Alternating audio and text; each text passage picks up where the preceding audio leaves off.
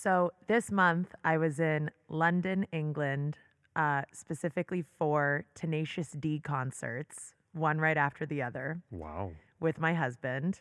And the backstory to that is just that, you know, I run the Israel Tenacious D tribute band. and we've put on, uh, we've sold out two shows two years in a row Wow. you know, 700 fans coming in and going crazy. I got, we got footage of all our fans, all, sorry, we got footage of all these Tenacious D fans say, cheering, bring the D to Israel into, uh, into our camera after the show that we put on. And we were always planning on going to these concerts in London and we wanted to go to both just to up our chances of meeting Jack and Kyle. Wow. And, um, Two in a row, one after the other. yeah.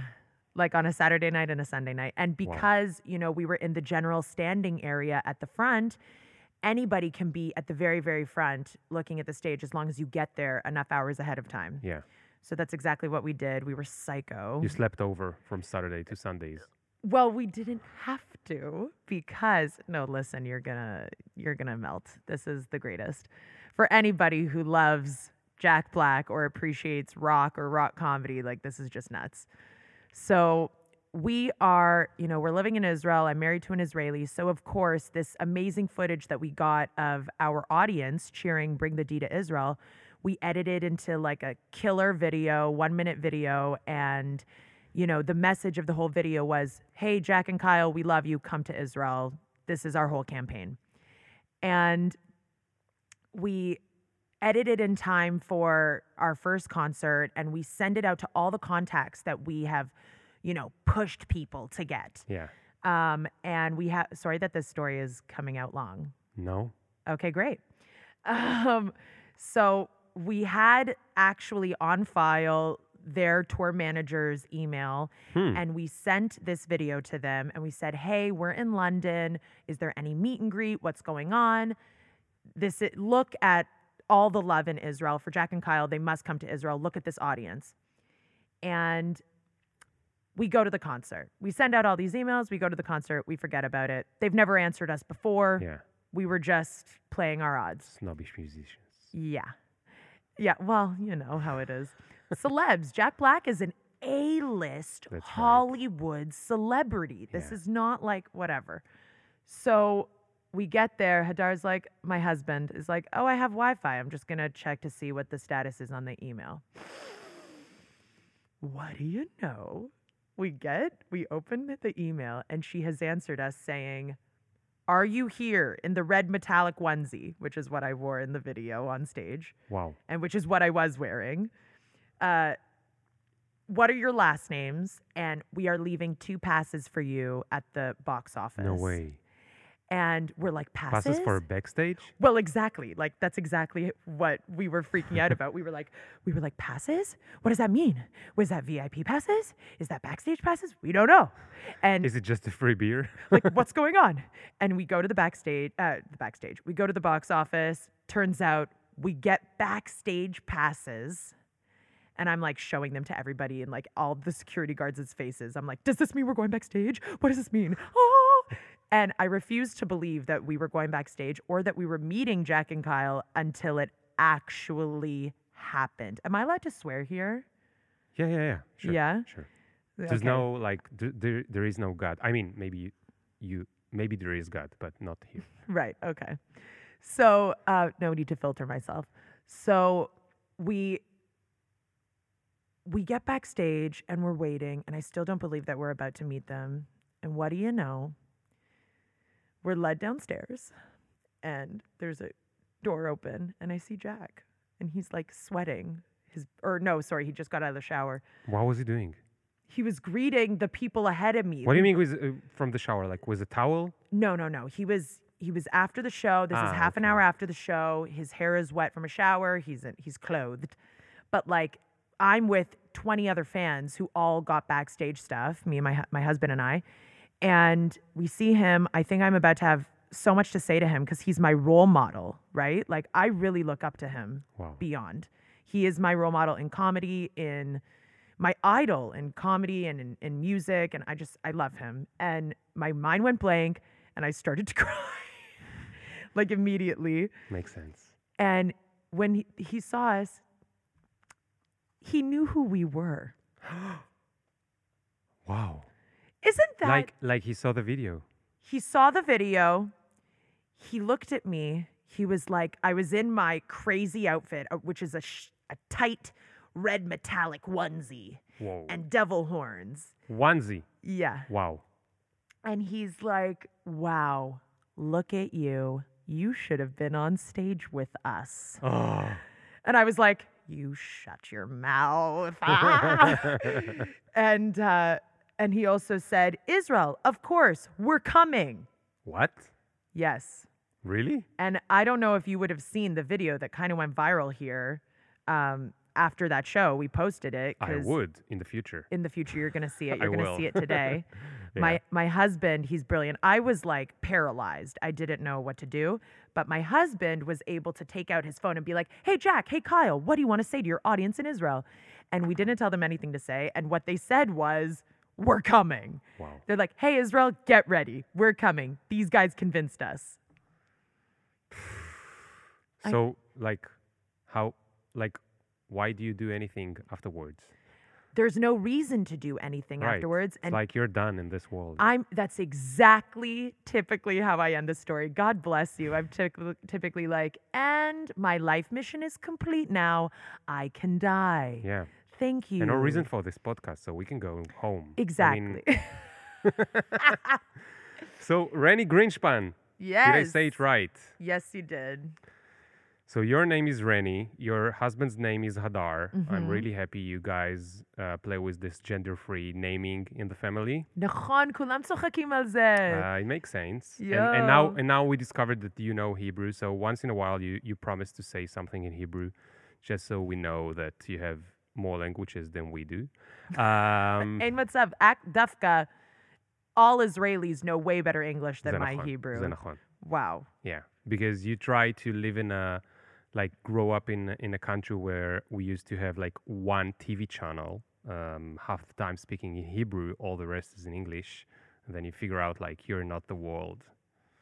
Um, so so you are an entertainer I don't know, is that a, a real job? Uh, we'll try to figure it out how you got to this point and why you think it's a real job and what your parents think about it. um, and always asked a question on this podcast. Um, so let's just give the music uh, some respect, okay? Um, I'll see you in a sec. Yeah. Boop, boop, boop, boop. One time. Ring the alarm, hot ass nigga. Yeah. Big ass head, so my dreams get bigger. Yeah. Make campaign songs, so my flows get sicker. Yeah. Confidence bigger than a drunk ass nigga. Look, I'm so what's up, Renny? Yeah, the music happened. Oh, great. it's not like I'm starting to singing, you know. It's in, in the edit. I thought you were we gonna like in. play a. Yeah, thing. it's it looks like a DJ, but it's something that I don't touch. Otherwise, it doesn't work. um, it's not a DJ deck, no. You Yeah, so what's up? Everything's great. I'm really happy to meet you. I'm happy to meet you. Like, uh, you're kind of a celebrity in Israel, is that right? A little bit, but I, you know, it's mostly based on um, Israeliyot, which is something that has kind of died. So Yeah, but it did worked well. No, it's a YouTube. Cha- it's a YouTube show. What What is it? Israeliot. it became a YouTube channel. It started on Facebook, and um, you know, I didn't produce it or anything. You know, I joined up with other people who produced it, and and edited and filmed it, and and really, really, really talented team of people. And uh, What was the concept? the concept was, you know, kind of BuzzFeed style. Like, let's gather a diverse group of women and have everybody talk so that the audience can relate to at least one of these women. And we just talk about life and love and all kinds of bull in between. and really, whatever we want, unfiltered. And it worked really well, I guess. It worked really well. People really connected. I I still get stopped on the street all the time about this. So so was was that your big boom in Israel? Mhm, Okay, mhm. so let's let's go uh, backwards, back in time to where you're like teenage in not in Israel, right? Not in Israel, in Toronto, in Canada. Toronto, Canada, where it's really cold. Yes, but everybody's so warm and nice. and good Asian food, right? Mamash. Yeah, I've been there once, and all I remember is good Asian food. Really good. Sorry for the Canadian. It's, well, it's very multicultural there. You know, you have immigrants there. All of Canada is immigrants. Yeah. So they all bring their food, and they know so what they're doing. So you're the Jewish immigrants. My grandparents, yeah. Came From- from. from my mom's side came from Eastern Europe. Mhm. Uh, I'm an Eastern European Jew, חד משמעית, מאה אחוז, you know, גם מהצד של אבא שלי, אבל הם פשוט עברו לארץ אחרי המלחמה, וההורים מהצד של אמא שלי עברו לקנדה. כן.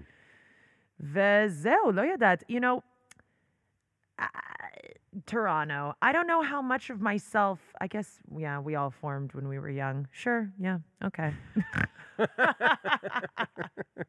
So you grew up there thinking you'll be an actress or entertainer or whatever you are. So No, many things. no, no. no. So what do you want to be? Um, well, it's funny because you asked, what do your parents think about everything that you're doing? Yes. And they love it They really, What you're doing right now. yes. And they're Mm. really proud and they love it and they're excited for me and they're excited that I'm doing what I love. And Duff, like, actually, Very that- not Jewish of them. I know. ה- האבא שלי תמיד אמר לי, במשך כל הילדות שלי, תעשי מה שאת אוהבת, תעשי מה שאת אוהבת, תעשי מדהים. מה שבא לך. That actually, I feel like the person who stopped me from doing what I truly love Is right you. away was me. Yeah. So wait, wait. It's it's a it's a it's a funny moment because you are a millennial, right? I Mhm. guess. And then your dad was um, Abu Millennial because he was your father and he told you what they tell millennials like just do what you love. Mm-hmm. And you are one of these annoying people who actually did what they love and they do what they love and it works. Yes. That's good. And I was lucky enough that, you know, I guess for most people in this world, it wasn't late, quote unquote, but for me, it sure felt like a late start because I didn't really start into you know freelancing as a creative which is exactly the start of my of my process until i was 25 and living in tel aviv Yeah. after i had spent 6 years in new york city Doing what? I went to NYU to study history and then I went to Columbia Journalism School. Wow. Yeah. So you wanted to be what? I didn't know and I Ah, was okay. trying different things on and I thought that acting was out of the question or trying to be on camera was out of the question because all of my friends in New York first of all I had like a few instances in Toronto as a teenage you know in Toronto as a teenager where I kind of said I had done musicals all my life at my hmm. camp and at my dance school and all these things. And something happened in high school. There were a few instances that like just you know broke my ego a little bit. Like i got bad roles. I start and i hmm. started to get like bad feedback from certain you know play directors So you thought it's not for you. so i was like you know what? Enough. I'm not going to do this. So you know, I- I think it's horrible that we listen so much in in the teenagehood to to grown up people or authorities like this teacher in high school, totally and then it actually affects our career. totally So you thought you're not going to be a good enough actor.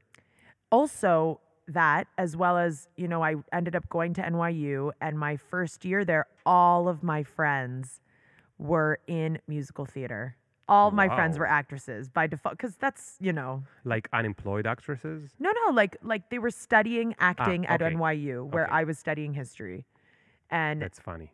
Probably yes, today they're not actresses. actually they are but they're struggling like you know Yeah. They are in NY. uh, They are in NY. in new york yeah yeah Okay, Yeah. and uh, one of part of them's the in culture. LA. Yeah. And I thought, you know what? This is such a uh, crowded, overstocked, competitive industry. Yeah. Why put myself through this? There's no stability Yeah. guaranteed for me at the end of this. Meanwhile, you grow up and you realize every fucking industry is overstocked yeah. and competitive. Well, and, it, and you may as well do be in the one that you love because everything is fucking hard. That's right. I mean, you maybe wanted to be a historian. I'm not sure the, that's crowded. but it's not. There's not too much. But I'll tell you what, it is crowded for the amount of jobs that are available for fucking historians. that's 'cause, what I meant. What what is there to do? What a professor and or work in a museum or some shit or a library? Like great, what a life. No, I'm kidding. It is for some people. It's yeah. great. no, it, it's great life, but it, it, it's it's horrible that, and and also, so how did you deal with it? Like, you said six years in New York, so six years is what took you to complete these two degrees, right? hmm And so during studies, With a with a, a gap year in the middle for uh, where I worked at an art gallery. so i i for this six years, what were your thoughts about career, if any? Like, did you think, hey, I'm still not sure what I want to do? Exactly. Okay. I was like, I don't know. I'm trying stuff on. It took me a while to pick my major. I wasn't sure even sure about history. I just wanted, you know, to settle on something. I knew I liked writing and and researching and I, I am very good with words. Like I you know, my journalist friend just stayed over and I was correcting her grammar. Like Hmm. I I am like a stickler. Like that Yeah. works for me. But um I'm not sure, you know, journalism school also was kind of this like, okay, I'm going to try on another hat. Journalism school I kind of saw as like storytelling school, Yeah.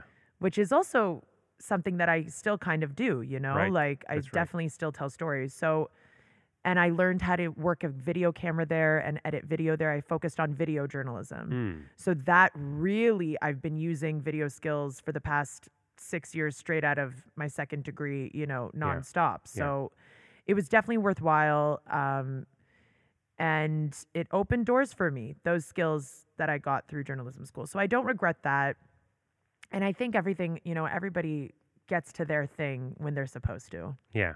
That's such an optimistic and unrealistic uh, sentence. I love it. I am. Most people don't. I'm sorry to to. You know what? I'm sorry. I take. You're right. Actually, it's true. Or maybe they will at the age of 130, but it never uh, happens. But wait, wait. I'm I'm I'm I'm not trying to to bug you. So By the so way, why- I'm hot now. Hold on. okay. I'm getting the AC. Um, good. That's gonna be too cold, but we'll play with it later on again. So wait, why did you leave New York? Where did you live in New York? Why did I leave New York? First, where did you live in New York? Oh, I lived all over Manhattan. Like, you know, for NYU, I lived. Uh, uh, I lived on Washington Square in the dorms first, and then I lived at Gramercy the next year, and then I lit, which is like 23rd and 3rd. Yeah. Um, I lived in the Lower East Side with my sister for two years, and then I lived in the East Village for a year, and then I finished it up uh, again in the in Greenwich Village for my last year. You didn't you didn't move to Brooklyn. No, I was a spoiled little brat. I was like, you can't take me out of Manhattan. no, no, no. So why did you leave? I mean, or what for? Oh no. Um. Well. Yeah.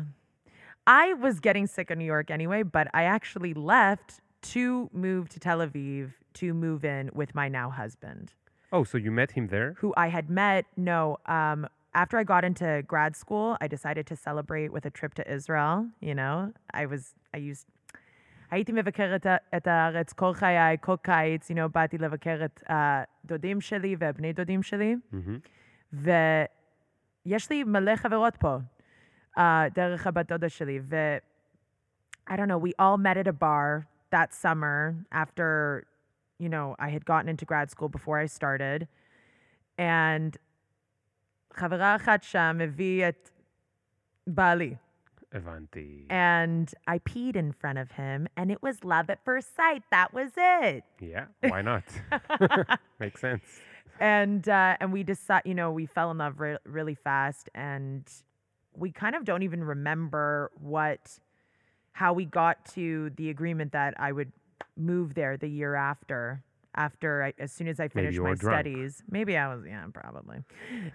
and and uh, that was it. Like I, we did long distance for a year when in my last year in New York at- at grad school, And it worked. and it worked. It worked because we had the end date Mm. we were like, ah, yes, we are together long distance Wait. until June when I moved to Israel. So you both knew that you are moving much ahead of time. Okay, Mhm, good, mhm. good, good. So you moved in, and and it's like it's Israel. Like, what would you do here with your Columbia journalism degree? That was a concern. Talk about parents' concern. That was a concern for my parents. They were like, "You're graduating from Columbia. Yeah, You could feasibly apply for jobs at all these reputable, uh, you know, news channels and everything. yeah.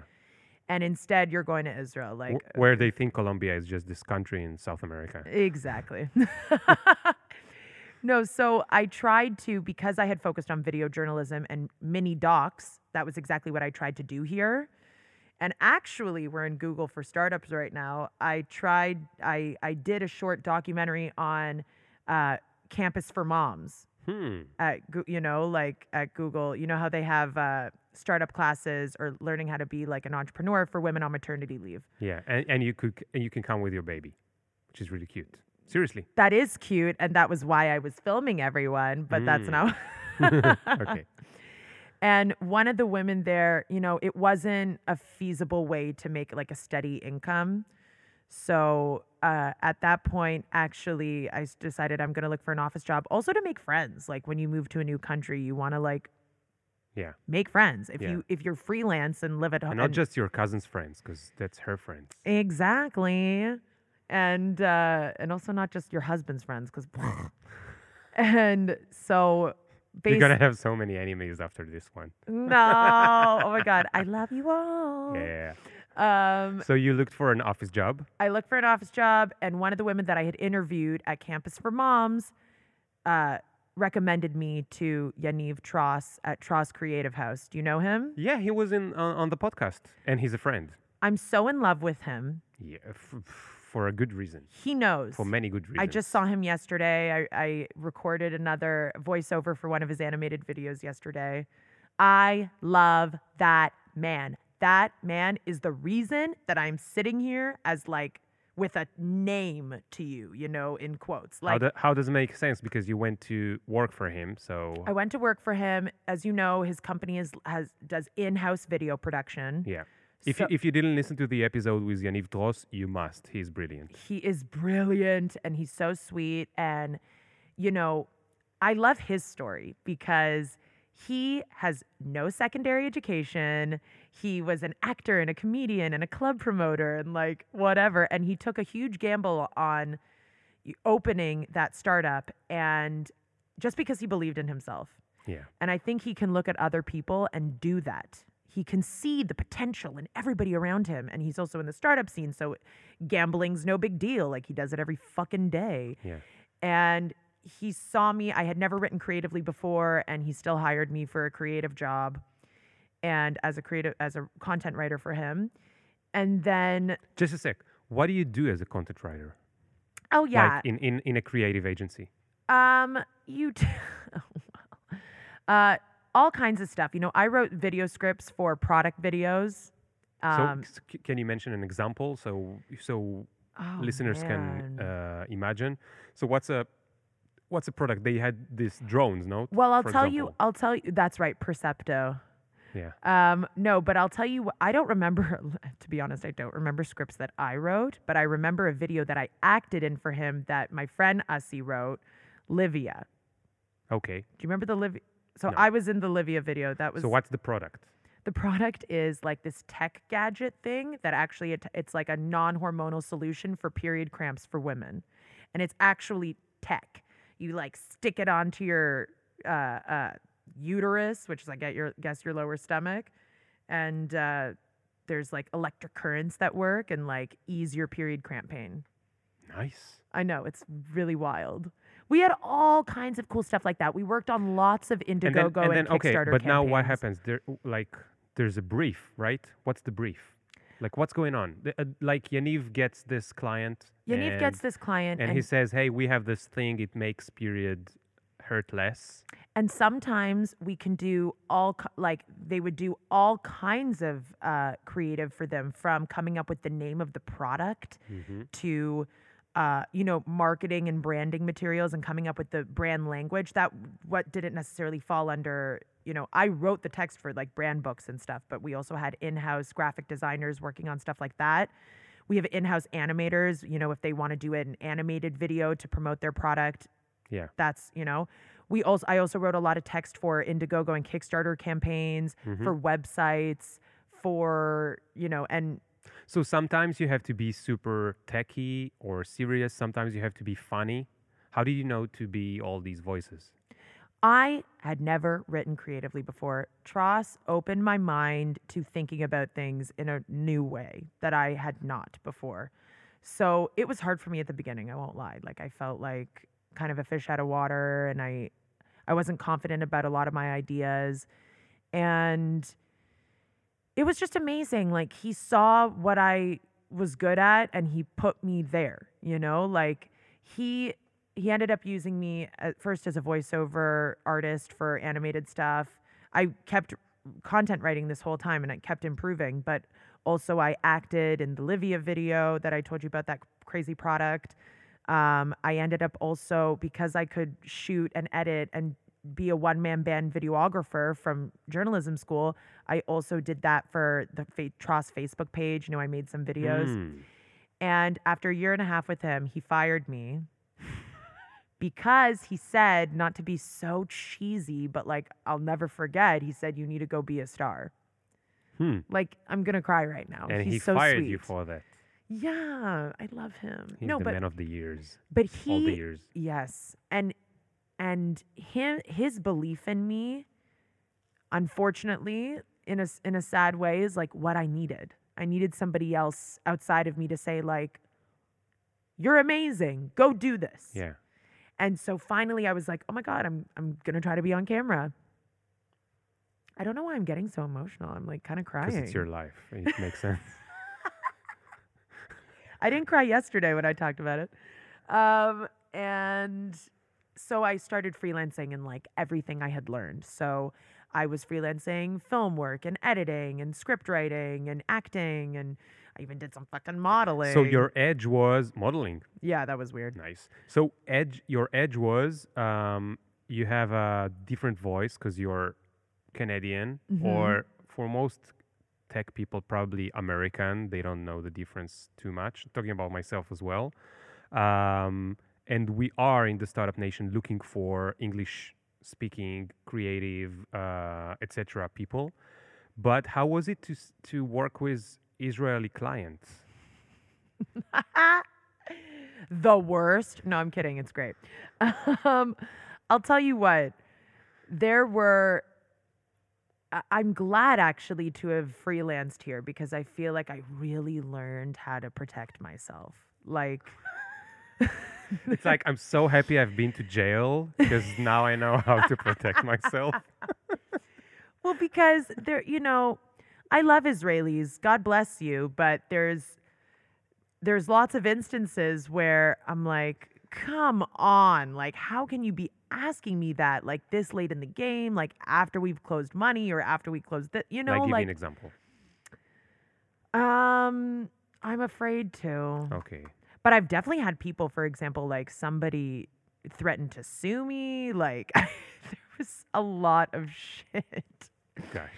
But also, I was, to be fair, I was new at freelancing and being an entrepreneurial in that sense, Yeah. and like there was a lot I didn't know. So, Yeah. so I'm not saying that like all of it was totally unfounded. You know, Right.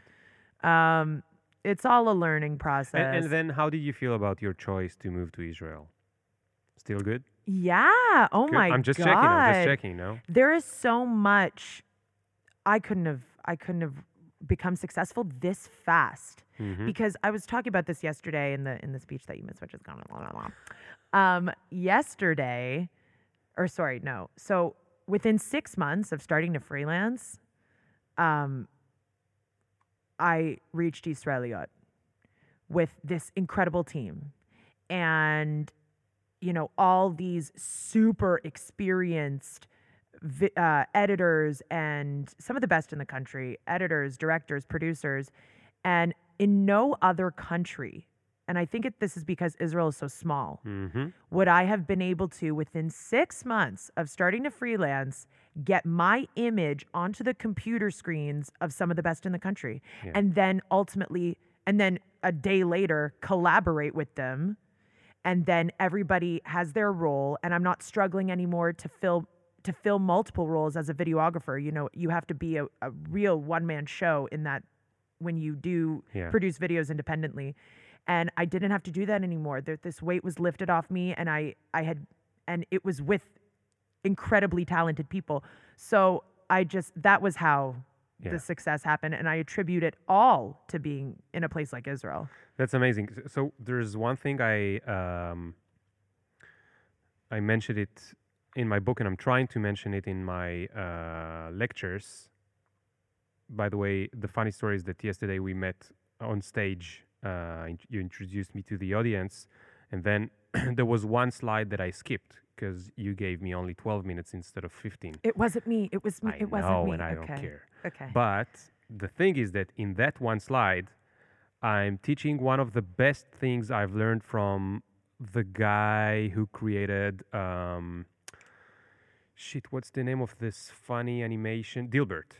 Mhm. Okay, his name is Scott Adams, and he has amazing things he has written and understood. He knew that Trump is going to be elected before everyone, like everyone, laughed at him, and he said, because he's the best, uh, whatever. And then Scott Adams teaches one great lesson about how to be a great. He is an animator, but not a great one. But he is also a business person, and there's not many animators that are that know anything about business, but he does. And then here's what he says. He says, "How how do you get to the top? You have two options. The obvious option, which is try to be like be the best at what you do. Prob- problem with it is that there's only one or two or ten best at what some someone does. Okay, so there's only ten good actors in Israel. There's only ten good like amazing writers, amazing designers, amazing directors, and so on and so forth. And he said, and everyone else is trying to climb the same way you climb on this ladder, and it's so hard to do. So here's one thing that you could do is that you don't even have to be the best. I'm not trying to say that you're not the best, but you don't even have to be the best if you have one more skill or one more edge that others don't do, don't have. And then in the in the middle of them, that would make you so different that you can be at the top. Okay? Right. So with with a funny example that I always mention is that I once had a, a woman talking with me about um, suing uh, someone that has to do something with her cat, and she couldn't find a lawyer that specializes in cats. And I thought, how the hell? Like, why isn't there out there A cat lawyer? lawyer. yeah, a cat lawyer, and all she knows to do or he is getting lawsuits for cats owners. And you don't need a lot of them in Israel to be a millionaire. You just need like a few in a week, and you'll be the only one. And if someone will write a lawsuit about cat, your name will pop up because no one else is doing it. Okay, so you don't have to be the best lawyer. You just have to be a lawyer that loves cats. You know. Totally. So that's what I mean. So I think in your side, o- o- like in your um, story, you are the best. Obviously, you're really good, Thank you. um, and you will be the best because you're still really young. So as you'll get older, you'll be even better and better and better. But meanwhile, you can get to the top because you used your edge, which is I'm a Jewish immigrant from Canada, mm-hmm. and I'll be using it as a as something in Haisraeliot, the show, and other things. And this is my edge, and that's how you, it's easier to get to the top. You know what I mean? Definitely, definitely, definitely. I, you know, it's funny though, because I didn't do that consciously. That was totally, they said to me, What do you want to talk about? And I said, I have a lot of material on Israelis because Jesus, I grew up with one. And I, I really think that you know, I couldn't have gotten the insights about Israel that I had just by living here for the short amount of time I had when Israeliyot started. It really was from a lifetime of coming here every summer, my dad, my cousins, Yeah. you know, it mocking Yeah. my dad at every freaking turn my whole life. And um I don't know though, it's funny because I didn't do that consciously. Yeah, yeah. No, it usually doesn't happen consciously. You just realize it uh, backwards. Right. Yeah, In hindsight. Yes. Nice. So, how like what do you do today? Like these days? So these days, um, you know, freelancing is hard in Israel. It's hard to make ends meet every month, you know, as a freelancer because you just don't know when you're going to get your next check. Um, I'm lucky, if you will. Yeah, exactly. I'm lucky enough that I have I got this incredible opportunity at Microsoft to be there part time and be contributing to their internal communications Mm. in cre- a creative media using creative media. So, um, you know, they have 1,500 employees there. So I am constantly just communicating with the employees, helping the internal communications team reach them, you know, through video and other stuff like that. And, you know, whether it's announcing about like a fun event at Microsoft or something else, like that's Yeah. that's half of my week. And the other half, I'm continuing to freelance for all kinds of companies that, you know, it really is amazing. A lot of Israeli companies and and brands and Facebook pages and YouTube channels want to create English content because they want to reach American audiences or, or international audiences. So I'm keeping pretty busy with that as well. And, you know, in terms of like my own personal creative projects that I really want to get off the ground, I've shifted since joining like the Tenacious D tribute band, which was really a passion project because it's not my own content. It's just something I wanted to do for fun. No professional goals attached to that, just the goal of bringing Jack. And now, uh. Yeah, we're on a first name basis. Wait, wait, but he didn't come yet, Okay, okay, know? okay. and the BDS didn't speak to him yet. Okay, he will come. He has two sons that he really wants to bring to Israel. He raises them Jewish. I believe he will come. He has personal stakes. I didn't know he's Jewish. Yeah, Yeah. His name is Jack Black. I know. like- I think he's half Jewish. Yeah, Also, and his half black.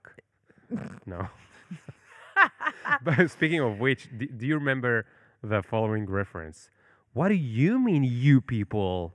oh my god, where's that from? It's from uh, Tropic Thunder, oh my god, where the there's the, this guy who's painted black. It's it's, uh, It's Iron what- Man, right? It's, uh, Iron what's Man. his name? It's uh, Rob, Um, Ro- Downey Jr. Yeah, he's painted black, and there's the real black guy and Next to then him. I think Jack Black or someone says something racist about black people, and and then he says something about uh, da- da- da- da- da, uh, you people, blah blah blah blah blah, and then the, like, the "You real black, the real black tells him, like, what do you mean, you people? Anyways, It's a um, good movie. Good movie. So he's coming for sure. Yeah, I mean, there's no confirmation But you're already married. But, fuck it. I know, but you know what? I have an agreement with my husband. Both of us are eight, like it's a free for all. You know, like Jack Black is the one And Jack Black is the one person you chose. the one person that we. By the way, for both of us, like Hadar's like, hey, if he wants to hook up with me, you better allow that. And I'm like, fair, fair, we're good, no problem. um, and uh, wait, but what, what were we saying before? Okay. Anyway. Before Tropic Thunder? uh, we were talking about your creative um, Oh, things because that was for passion. right. And so now I've realized that I love singing. I love performing on stage. Growing up, I did musical musicals. That's what I loved. And I want to be in a comedy band. I want to Hmm. start my own comedy band. And my husband and I started writing songs together, and we go to open mics.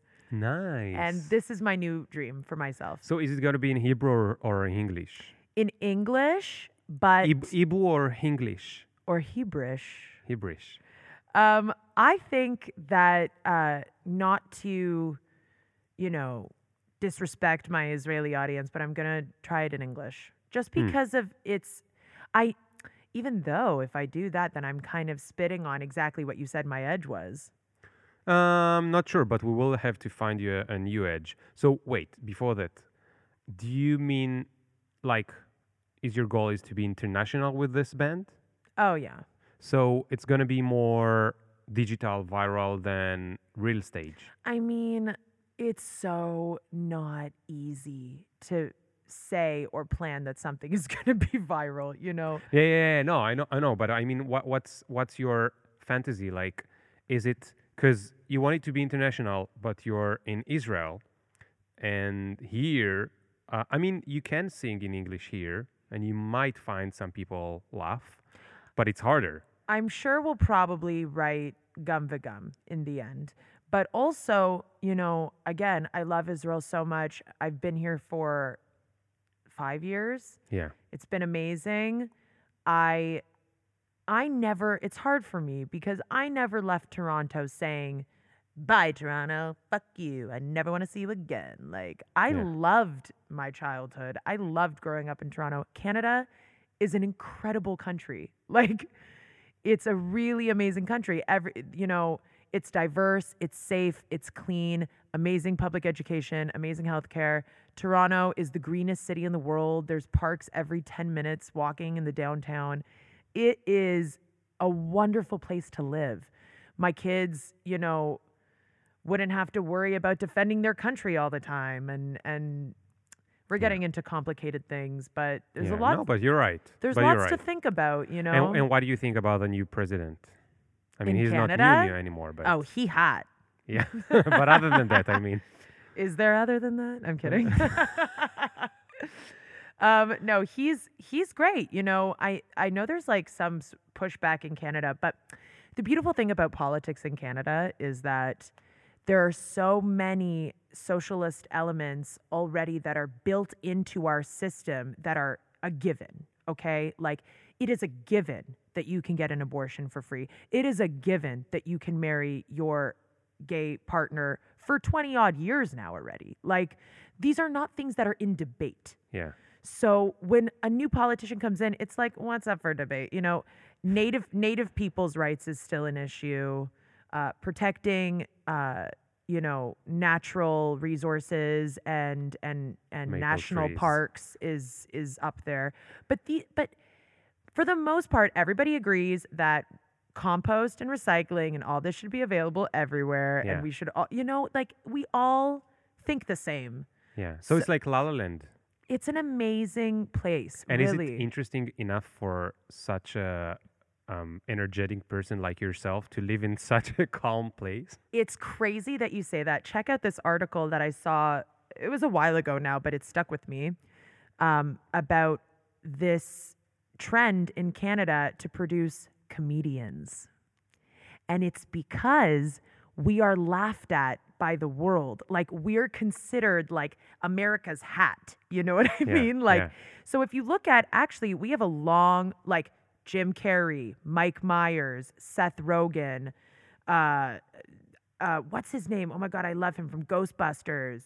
Like, there's so many, Dan Aykroyd, there's so many success, Michael Cera, so many successful Canadian comedians, and I'm missing a lot of them right now when I just said those. It's okay. I have zero Canadian five. listeners. It's fine. Yeah, yeah, yeah. And and it's because we're always like the butt of a joke. So when you're like there's something about that element in our culture that has given room for like being able to laugh at hmm. ourselves or something. Like they were analyzing it from a psychological point of view. Yeah. Really interesting. Like I loved it. There- So wait, you're going to have a band. oh yeah. It's a comedy band. How do you how do you say? Comedy band. Comedy band. Yeah. Okay. Like Flight of the Conchords or Tenacious D. Flight of the Conchords. You like them? Yes, and unfortunately, not enough people in Israel know them. You know, once in Purim, me and my buddy, we uh, we were um, Jermaine and um, uh, Oh my Bert, Bret. Bert, Brit. Bert, Bert, and we went all over the Florentine huge party.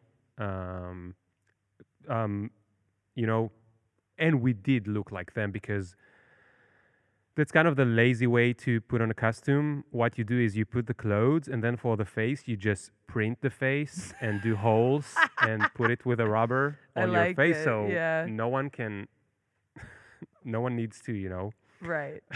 No one needs to guess. Yeah, they know but who you are. but no one got it. And then in the middle of the festival, there was this group of twelve people, and they were the only one who got it. And they, you know, they did selfies with us, and they were so excited. So yeah, Flight of the Conchords, and and so, what but year, I'm worried about you. Uh, like seven years ago. It was too. You're too too ago. ahead of your time. Too cool. Yeah, I know. Always my problem. Anyways, so. uh, Like how do you do how how Wait, are you gonna do it? You said you're worried about me. Yes, because how how are you going to do this? It's uh, it's you want to make it international. You're in the end of the world in some ways, um, and you are going to choose English. And I'm worried about the the the brand of this band. You know what I mean? It's like maybe I it's about appreciate the concern. maybe it's about being Jewish. I don't know well, like well y- you could be this canadian israeli girl who loves it israelis well, wait a minute. You're missing one half of the band, which is my husband. ah hadar is there as well? Yes, and that is our edge: is the fact that we're husband and wife okay. duo, okay. Wow. And and we already have all these ideas for marriage fight yes of songs course. and like you know shit like that. yeah, okay. I'm i'm I'm You're taking it back. Yeah, I'm taking it back and I'm not worried anymore. So now that you're doing video content, like a lot of people are cons- are um, thinking like, what is really a, a day of a creator looks like? Like, what is going on? Like, you just sit down and write creative ideas? Like, Uh, how does it really work? Wow, it's so hard. I was just talking about this with my friend Olivia because I kind of believe that everybody has the potential to be creative. Everybody is creative inside of themselves. It's just whether you've done the personal work to not judge yourself when you first start writing and it comes out like shit. Mm, yeah, Because creativity is a and and good good creative content is a quantity game. Hmm. It's like you're you never sit down and write and it's great. You know what I mean? No writing process is like that. yeah, Like you always come out with shit and shit and shit and shit. And especially you're your own harshest critic. And to you, none of this is special. And especially if it's comedic, then you read it the first like after the first time you've heard it, it loses all humor. right. Like you're there's like no surprise. Exactly. So you're like, oh, I'm bored of this already. It sucks. And like, I still, that's something I'm still working on. You know, I wrote, a, my, my husband and I wrote a song about Gal Gadot a year ago that was published. We published it About a what? about Gal Gadot Gal Gadot. Yeah. and how perfect she is that she must die. so we wrote that and it only came out. We wrote that a year ago and we only put out a music video for it 2 weeks ago. wow. And it's because I myself am still going, you know, you're talking like I in no way want to preach to other people because I have yet to master this Yeah. creative process of letting go, you know, like especially also in creative stuff, you can work on it and perfect it forever. But it's about saying to your saying to yourself, this is a reflection of me right now. Yes, it's shit. Everything is shit to my to me that I read already. Like I've read it too many times.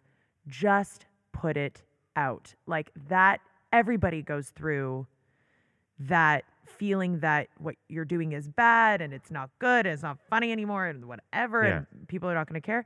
And then you put it out and you realize that we all take for granted the way our own personal brains work.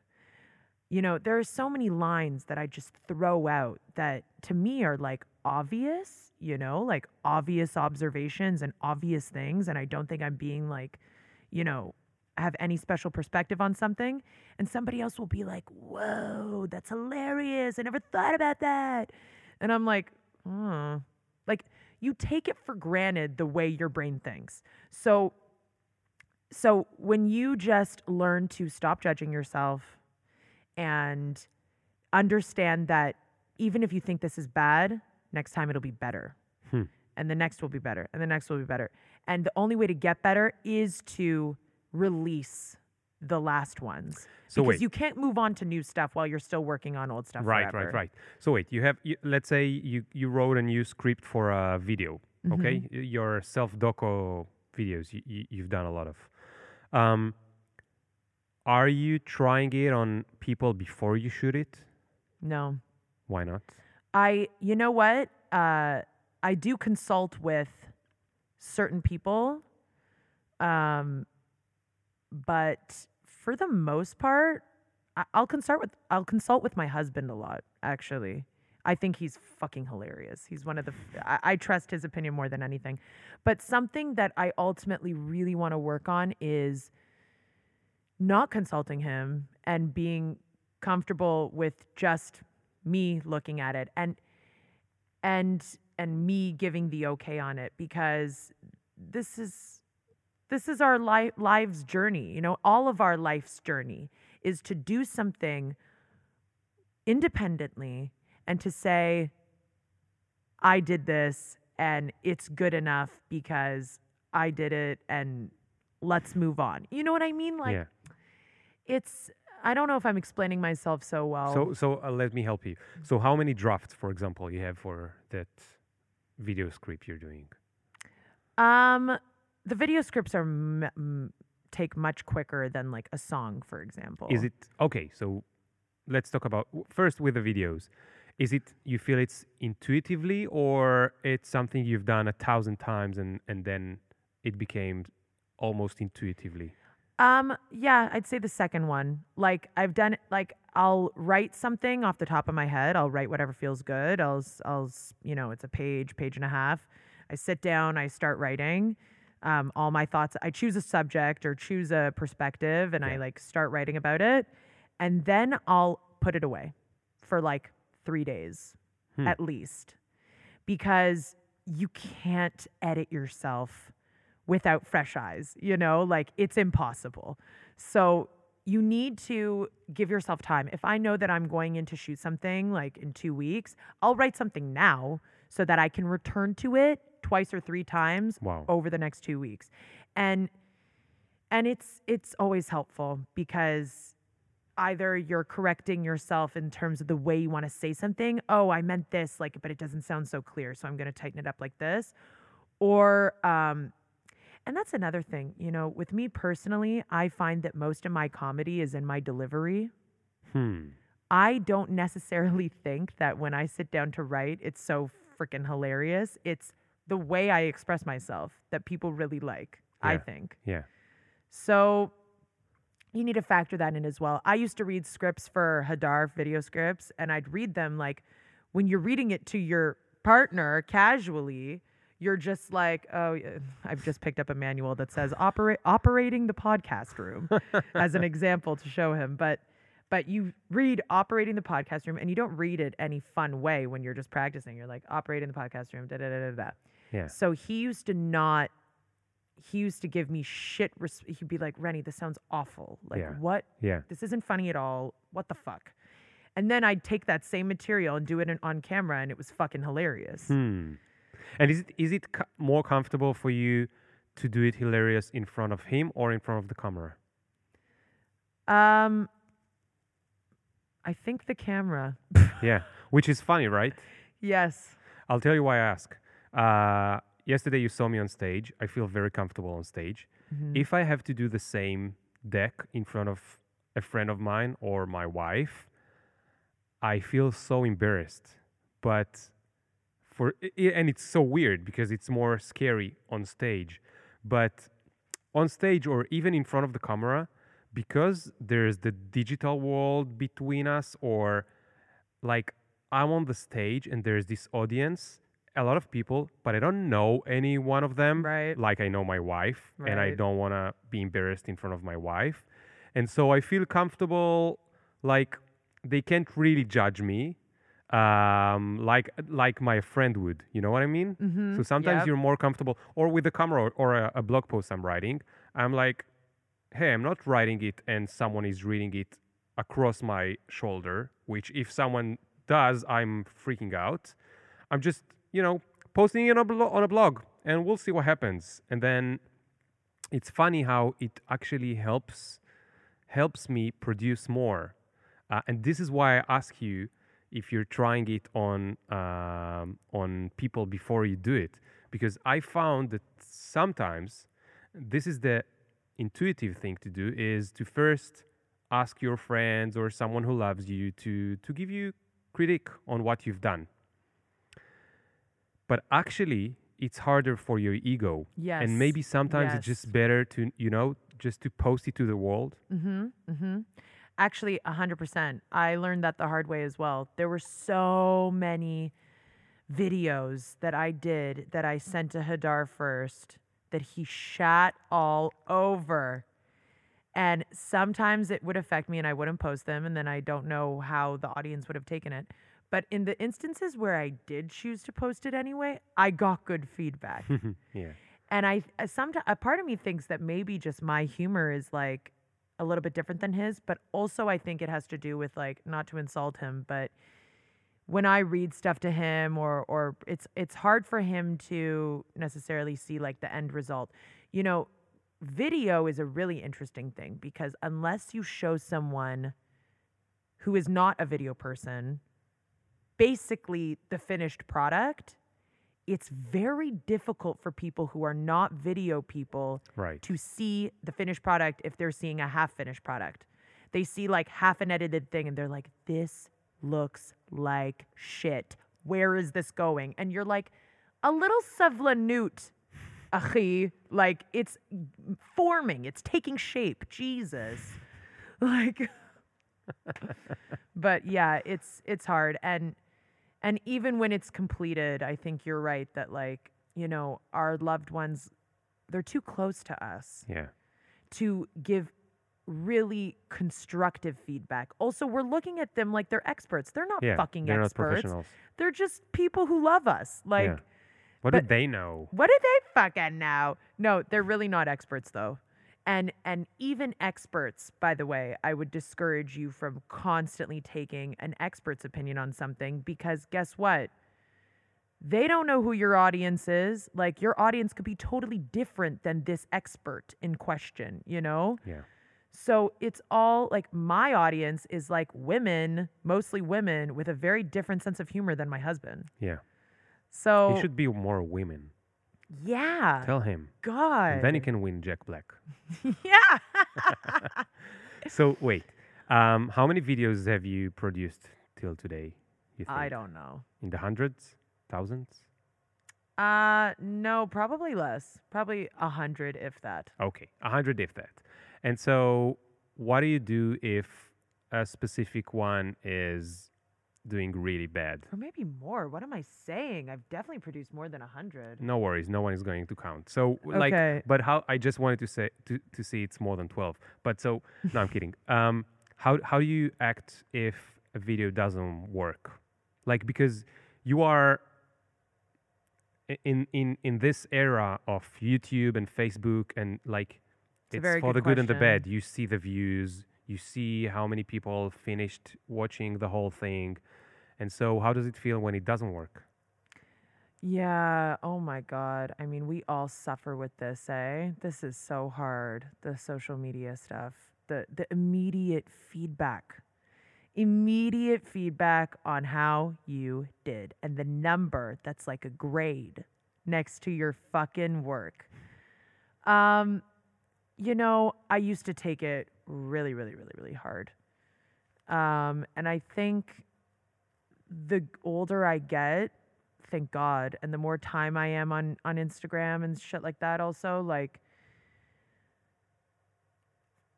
Uh, there are a few things I think to myself. Okay, number one, no offense to people, but I do not trust the masses.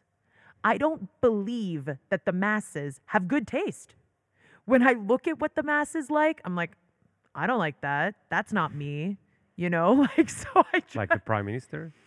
like I don't know, a Kardashian or something. Yeah. Like like you or or yeah, fucking Trump. Look how many people voted for Trump. Like people are dumb. No offense, listeners.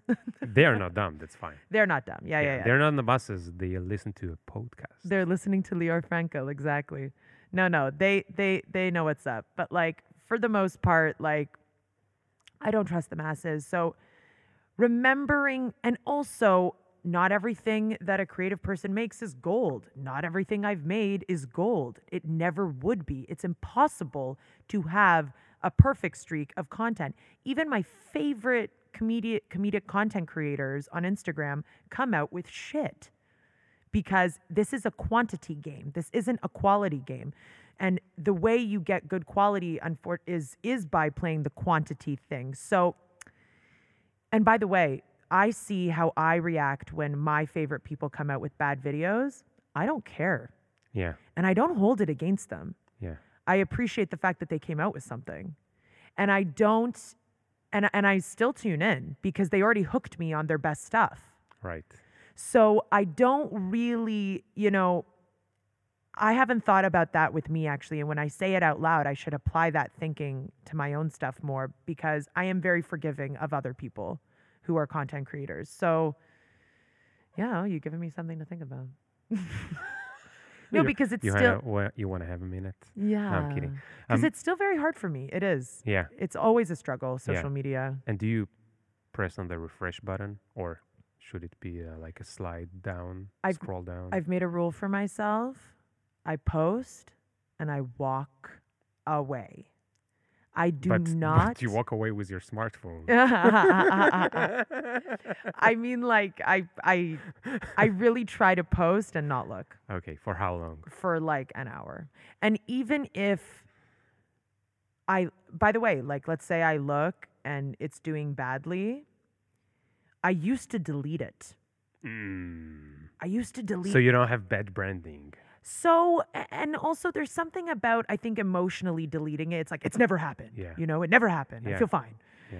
And, and, uh, and now I'm trying to make a point of like not deleting it and just turning to the person that's with me in the room and enjoying them and Yeah. getting it out of, and not caring anymore. Like, okay, like I did this, it's done, it's out there.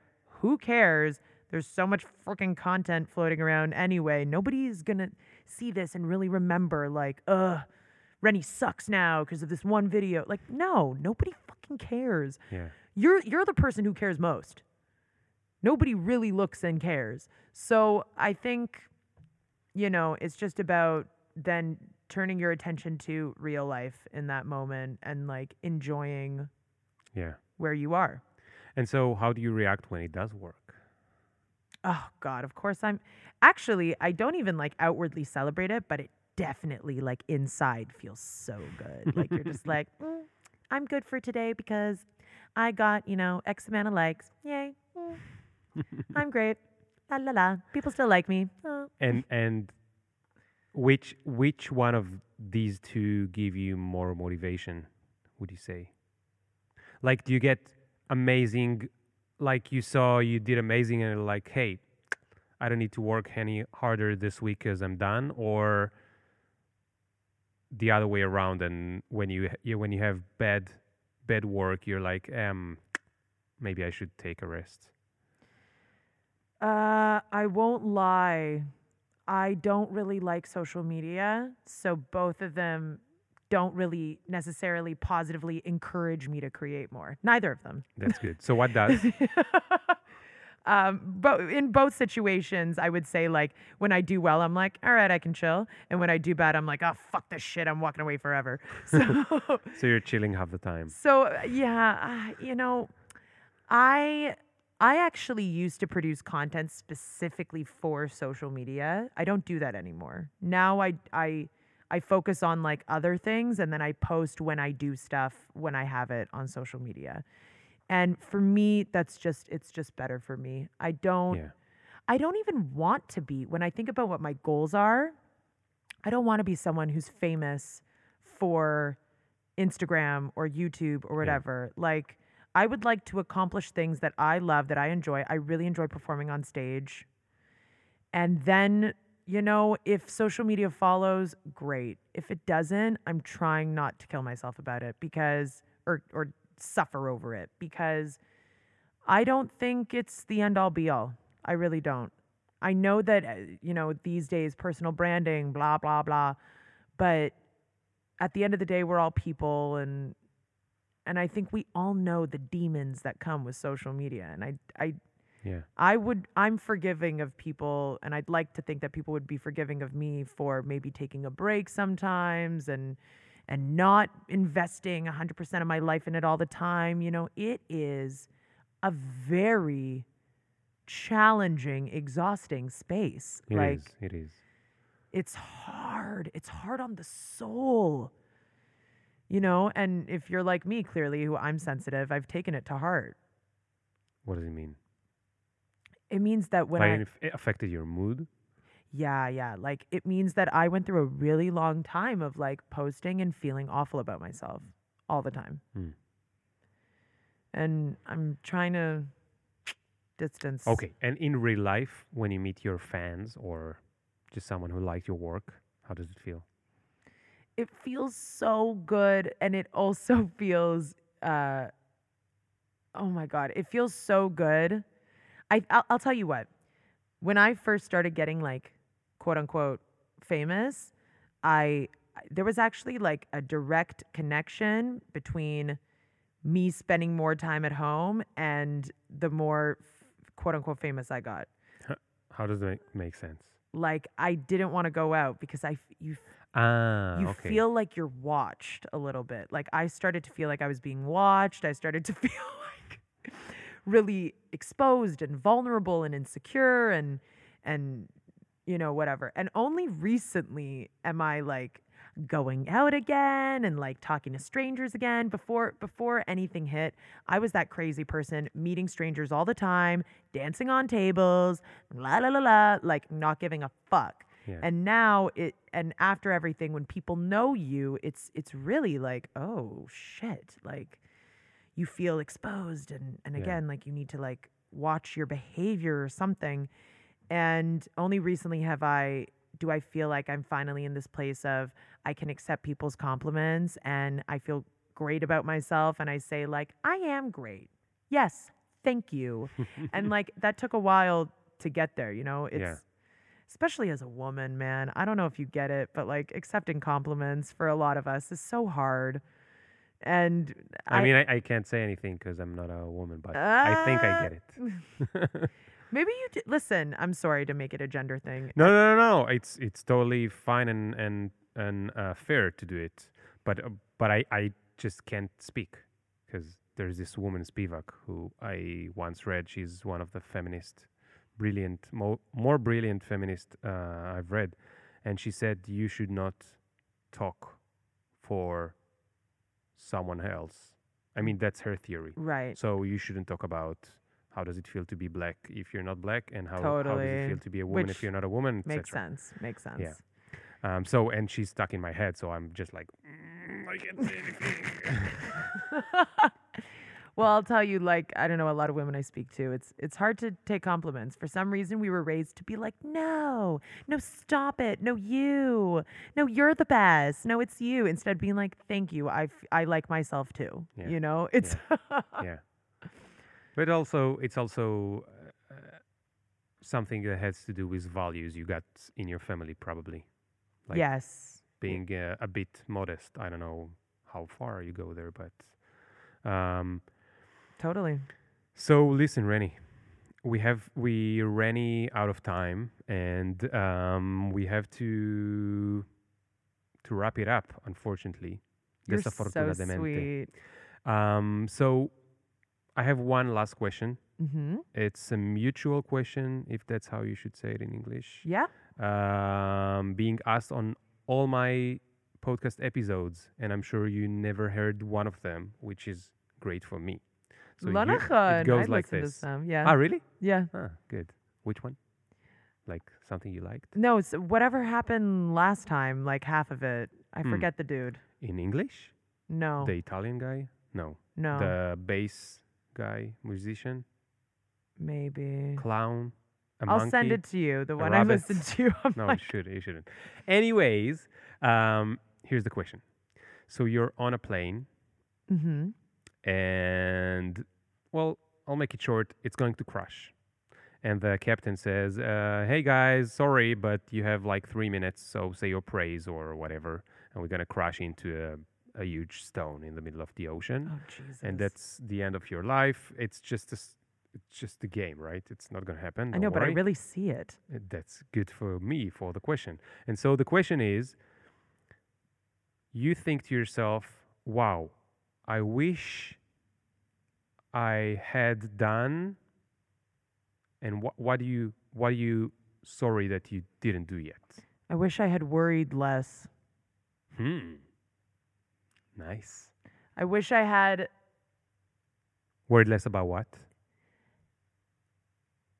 anything and everything, succeeding, self growth, trying to improve all the time. You know, my friend said this beautiful thing to me today or yesterday. She said, It's okay to exist for a while, Yeah.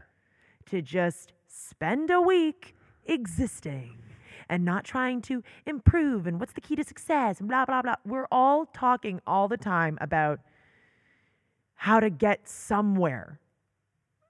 And instead of just like being here Yeah. and enjoying. Yeah. So I wish I had spent less time concerned with where I was going, what I was doing, what my value was, what's this, what other people think of me, Yeah.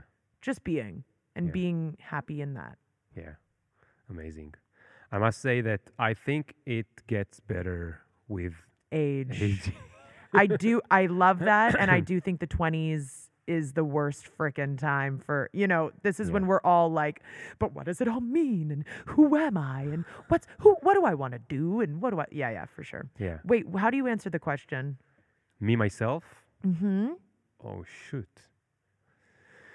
Um, not long ago, it was. Well, I'm not sure.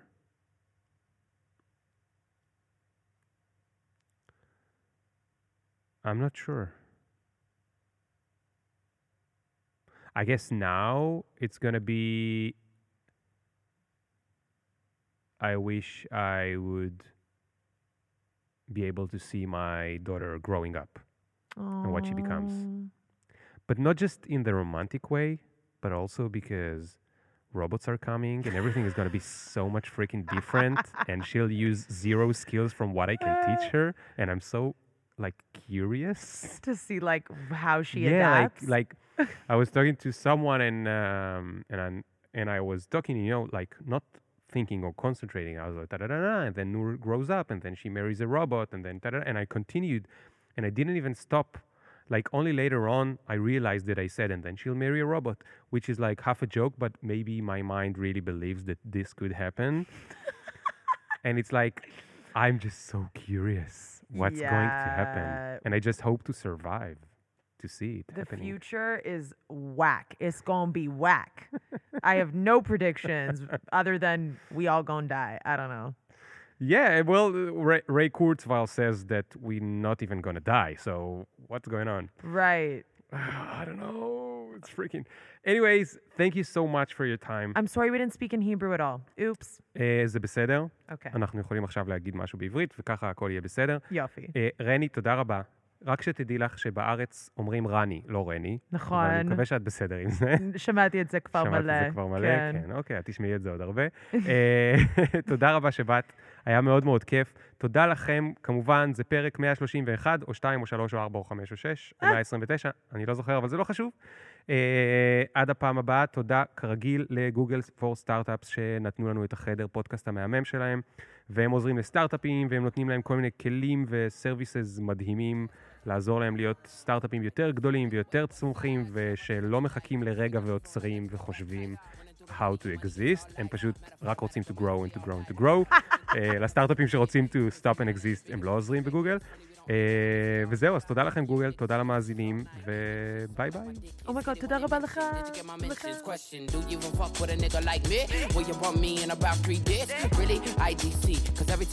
talk, they can't see. The big up picture, fuck your filter, me can't go run, but me can't repeat. No.